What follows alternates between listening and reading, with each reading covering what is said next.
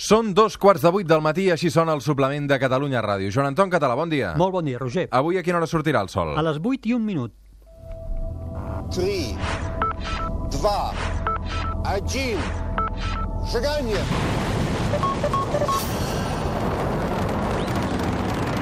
One small step for man, one giant leap for mankind.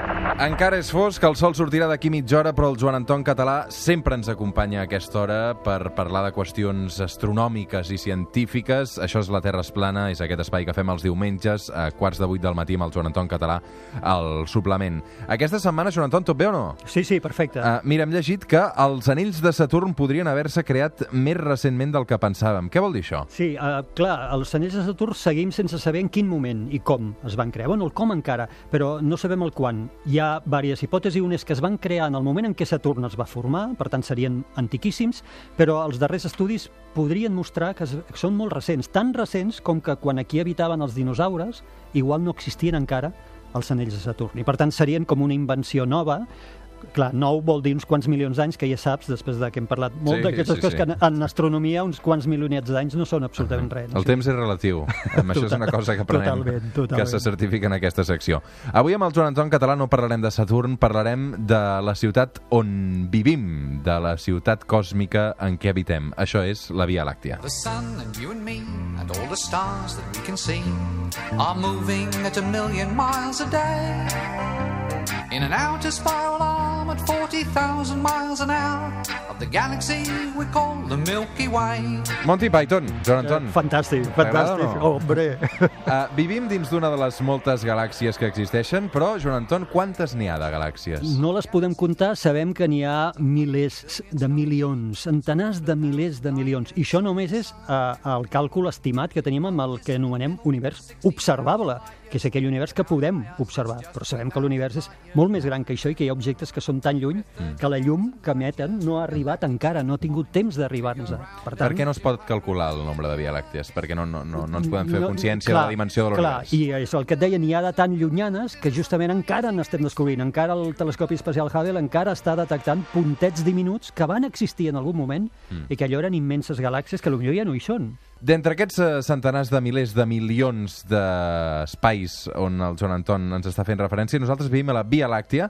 Um, el nom d'on ve, Joan Anton? És l'aspecte lletós que els Mm. antics, quan miraven el cel, veien que ells tenien uns cels magnífics, no, eh, per descomptat, i llavors veien la Via Làctea, que avui ens costa tant de veure, ells la veien claríssim, semblava un camí de llet, i de fet d'aquí ve... I també la paraula galàxia, justament la paraula galàxia, el seu ve d'una paraula grega que vol dir llet, de, de galact, i vol dir llet. Per tant, era aquest aspecte lletós, blanquinós que té.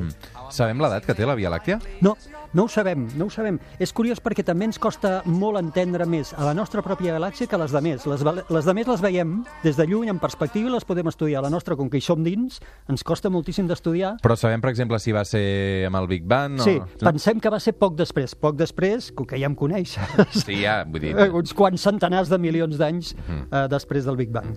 Um, quan vam saber que uh, vivim dins d'aquesta Via Làctea? Com la vam descobrir nosaltres? A veure, el primer, la primera personatge que tenim constància de que en un telescopi la mirés és Galileu. Galileu és l'inventor del telescopi. Surt i sovint, eh, Galileu? Sí, és que va ser una figura fantàstica que penso que encara no li hem, no li hem, no hem reconegut les aportacions que va fer del tot. No? Llavors va mirar amb el telescopi la Via Làctea i se'n va donar compte que estava formada per multitud de puntets petits d'estrelles i va dir, carai, això és molt més gran del que pensàvem, no només les estrelles visibles. I allà és on es va tenir consciència de que la Via Làctea era quelcom formada per moltíssimes, moltíssimes estrelles, que no només era una taca, una taca nebulosa o una taca lletosa.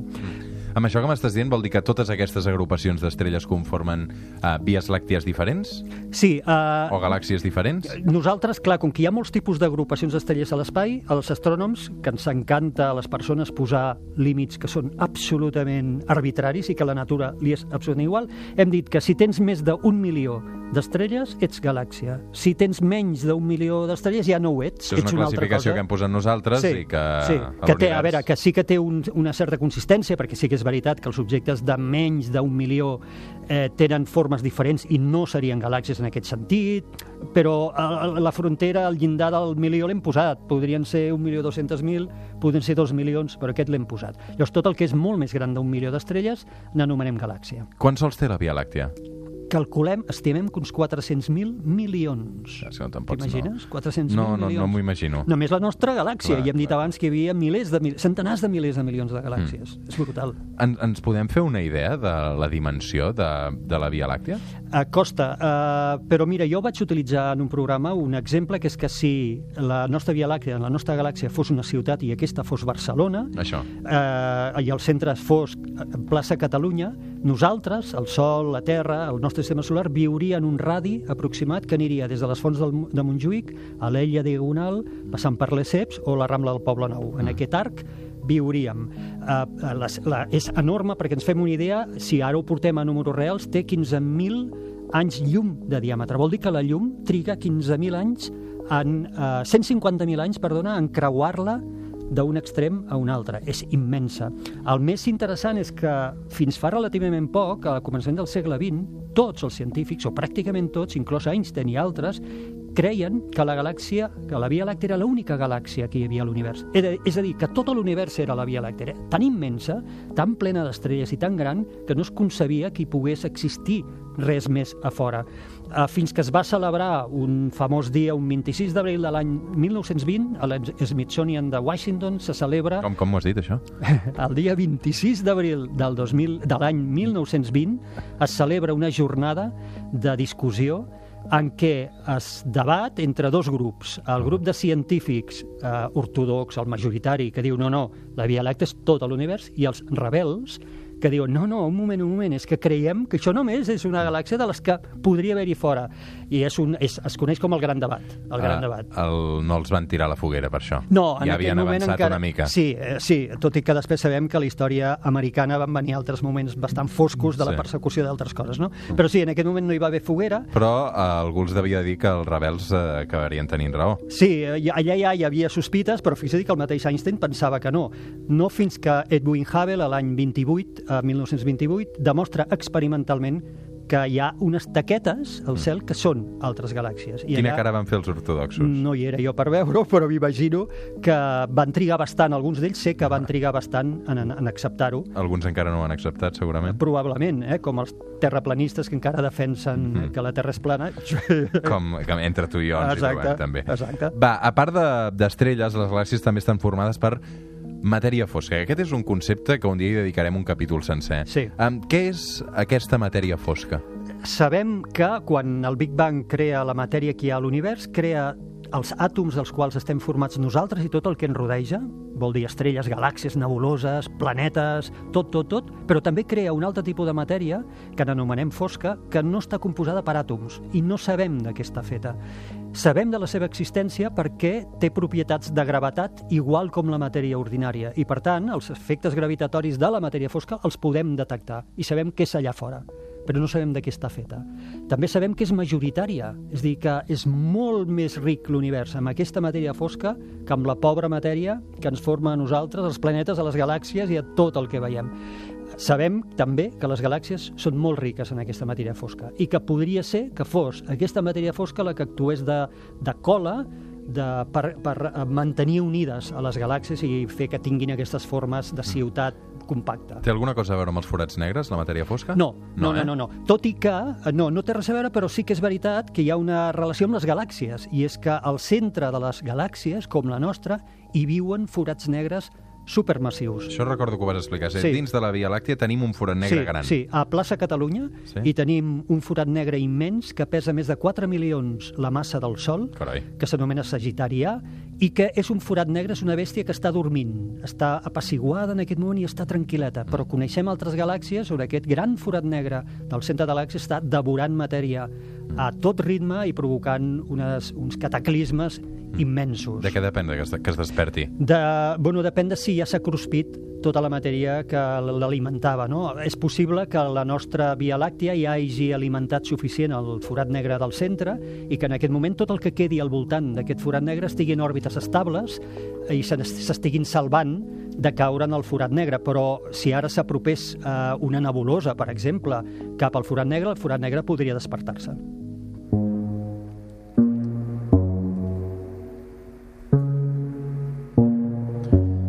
Som al Suplement, som a Catalunya Ràdio. Falten pocs minuts perquè surti el sol i aquesta hora és un bon moment per debatre i conèixer qui som, cap on anem. Um, I avui el tema de debat és la Via Làctea. Joan Anton, aquesta pregunta és uh, oberta i senzilla. Um, com es crea la Via Làctea?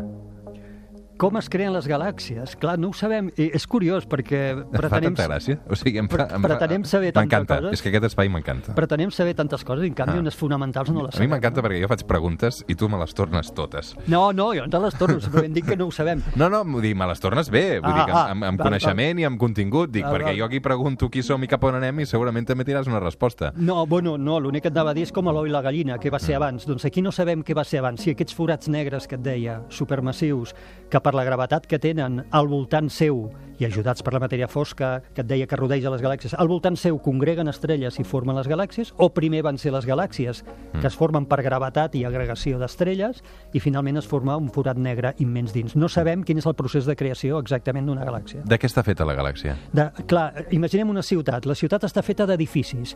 Doncs les estrelles són edificis. Està feta d'estrelles, de sols, i per tant hi ha planetes, que serien els pisos dels edificis. El nostre edifici té, set, eh, té vuit pisos, eh, doncs, eh, hi ha planetes, hi ha mm, cometes, hi ha asteroides, hi ha nebuloses, com una ciutat, hi ha serveis múltiples i és autosuficient. Una galàxia vindria a tenir una dimensió molt ben definida, uns llindars molt ben definits i tota la vida a dintre de la galàxia és autosuficient. Neixen estrelles, moren estrelles, es creen planetes... La forma de la galàxia la sabem? Sí, la forma de la galàxia la sabem. Uh, la nostra és una bonica espiral. Creiem que és una bonica espiral perquè mai la podrem veure des de fora, eh, o sí que la podem veure, però si fóssim llum ens hauríem d'allunyar durant dos milions d'anys per poder tenir una perspectiva suficient. És una espiral amb braços espirals barrada. Barrada vol dir que és, els braços de l'espiral no surten del centre exactament, sinó surten d'una espècie de barra que hi ha eh, i d'aquesta barra allargada en el centre, dels extrems, dels dos extrems de la barra, surten els quatre braços espirals que pensem que formen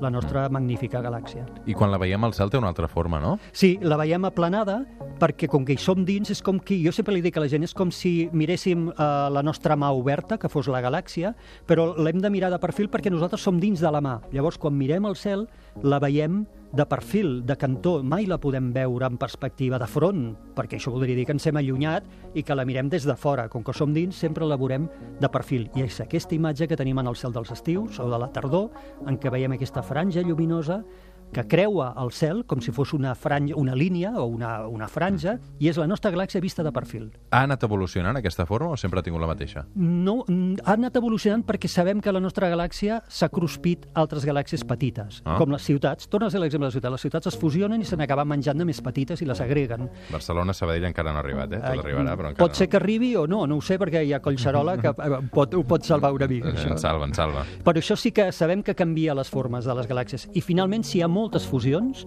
la galàxia pot arribar com, completament a canviar la seva forma i deixar de tenir aquesta bonica forma en espiral per convertir-se en una bola amorfa, que és les galàxies elíptiques, que li diem, que deixen de tenir forma, són com unes esferes molt grans sense una forma definida. Um, entenc que cada galàxia té una forma diferent, no totes Sí. són, tenen aquest uh, espiral barrat que dius. No, però la- són bastant classificables. Hi ha com, ara t'ho dic de memòria, hi ha com vuit tipus de classificació que ens hem creat i quasi totes les galàxies, o totes cauen, les podem categoritzar en, en un d'aquests vuit tipus, des de les que anomenem amorfes, que són galàxies normalment nanes que no tenen una forma clara, fins a les el·líptiques o fins les espirals, de les quals n'hi ha de barrades, n'hi ha de no, etc. Mm. Clar, tot això com estàs explicant, Joan Anton, com ho podem saber si no podem veure la, la, les galàxies des de fora o la Via Làctea concretament des La no hi Lá- pogut sortir mai? Correcte, la Via Làctea no, però les altres galàxies sí.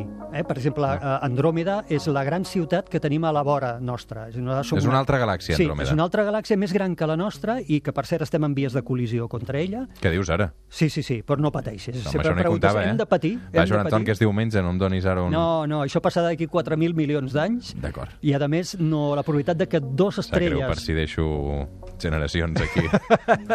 Bueno, a veure, jo et diria que tranquil, perquè la probabilitat de que xoquin dos estrelles és mínima. És tant l'espai buit Mm. que més que un xoc és una fusió, és una mescla. Eh? Però el que et deia, no, podem mirar altres galàxies com Andròmeda, estudiar la forma que tenen, i després de la nostra, tot i que ens costa, tenim eh, observacions indirectes que més o menys ens ensenyen com és. Tot i que mai no n'estarem segurs si no sortim i la mirem des de fora. Què és més gran, Andròmeda o la Via Làctia? Andròmeda. Andròmeda és Sí? bastant més gran. I mira que la Via Làctia Perdrem, és eh? de les ciutats... I sortirem perdent aquí. O, o guanyant, depèn de com ho miris. Depèn de com ho miris. Ah. Si queda algú en aquí i mira el cel, uns quants milions d'anys abans el dia de que. Barcelona es mengi Sabadell, els de Barcelona segurament em diran que hi sortirem guanyant, però jo com a sabadellenc això no t'ho compraré. Bueno, Roger, mira, posa't a la Terra, si és que encara existeix la Terra, i si és que encara existeixen les persones, mirant el cel de nit, Mhm. quan la galàxia d'Andròmeda estigui a pocs milions d'anys de col·lisionar contra la nostra. El cel serà espectacular. Sí. Serà una cosa immensa. És fàcil observar la Via Làctia a simple vista? A tu que t'agrada mirar cap al cel? Sí, però aquí hem de- hem d'apretar, hem d'apretar els nostres polítics i els nostres governants. Eh, tots tenim el dret de poder gaudir de la Via Làctea i quants de nosaltres no hem vist mai la Via Làctea per culpa de la contaminació de llum de les ciutats. Avui, malauradament, per veure la Via Làctea ens hem de marxar de les grans ciutats i fins i tot dels nuclis de població de pobles, tot i que alguns d'ells, afortunadament, estan recuperant els cels perquè estan sent molt curosos amb les llums i les protegeixen per dalt, i eh, la podem veure sempre que marxem de les llums de les pobles i de les ciutats, a l'estiu i començament de la tardor, sobretot nits sense lluna, perquè la llum de la lluna també ens malmet la visió de la Via Làctea. Però torno a dir, és un dret que tenim i un dret que els nostres fills tenen de poder veure la Via Làctea i poder gaudir del cel, i estem privant a nosaltres i els que venen d'aquest dret. Crec que és molt important això que fem, Joan Anton, amb aquest espai també de divulgació, eh, que la gent també ho celebra, les xarxes així ho, ho, ho, ho traslladen, no? Um, perquè expliquem coses eh, de la qual doncs, en tenim molt poc coneixement, no? Um, a, a l'escola no hi ha una assignatura que es digui astronomia. No, però, Hi ha per ciències exemple, naturals, sí, però no és el mateix, eh? No, no és el mateix, però t'haig de dir que estic sorprès, gratament sorprès, eh, de la quantitat de material que es comença a explicar a les escoles, dintre de ciències naturals, sobre l'univers i l'espai. Jo vaig molt per escoles, em demanen anar moltíssim, a mi m'encanta fer-ho. I em sorprèn de debò moltíssim com es preparen aquelles intervencions, les preguntes que tenen, els coneixements que eren impensables quan jo estudiava. És que, vaja, llavors és que era absolutament impensable. Es, jo penso que estem en el bon camí. Què pregunten els nens, Joan Anton? Per exemple, eh, preguntes com les que algunes vegades ens fem aquí que no tenim respostes, com va aparèixer la vida, si hi ha algú allà fora, eh, què hi havia abans de l'univers, eh, qui està estirant de l'univers. És dir, un nen no es talla, un nen o un jove, eh? no es tallen tant com a Al final es fa les preguntes dels adults. Sí, em, però les fan directes, te les fan directes, sense, no? sense, sense embolicar-les gaire. Per què la Terra rodona? Ah. Uh, per què la Terra no cau? És dir, què hi ha que l'aguanti? És dir, coses que un adult no s'atreviria a preguntar per dir, a veure si, si Mm. figo la pota o no, i ells te la tiren directament. Un dia a aquest espai um, el conduiran nens, si no jo. Et sembla bé? Em sembla perfecte. Portarem aquí tres nois, uh, o tres noies, que, que et facin preguntes. Perfecte. A veure què, Però que, tu al meu costat, que, eh, Sí, Roger? jo ho tutoritzaré una mica. Clar. Jo de torn de paraula, que aixequin la mà i allò. Molt bé. Joan Anton, aquesta setmana, si mirem cap al cel, què hi passarà? Eh, seguim tenint Júpiter, Venus i Saturn. Saturn ja ha anat pujant. Recorda que la setmana passada vam dir que Saturn començava a pujar. Cel de l'alba, abans de la sortida del Sol, mirant cap a l'est. Tres objectes molt brillants, sobretot un d'ells, que és Venus, i amb l'ordre següent. Júpiter a dalt, Venus després i Saturn després. Alineats, torno a dir, al cel de l'alba, abans de la sortida del Sol, quan el dia ja clareja, mirant cap a l'est. Joan Anton Català, una abraçada ben forta. Igualment, Diumenge que ve ens retrobem a l'hora que surt el sol. Clar, diumenge que ve ja, ja el sol ja... Ja, abans de les 8 ja... Clar, ja estarem abans de les 8. Això passarà aquesta setmana. Estaràs contentíssim. Molt content. Joan Anton, una abraçada. Igualment. Pausa i tornem al suplement.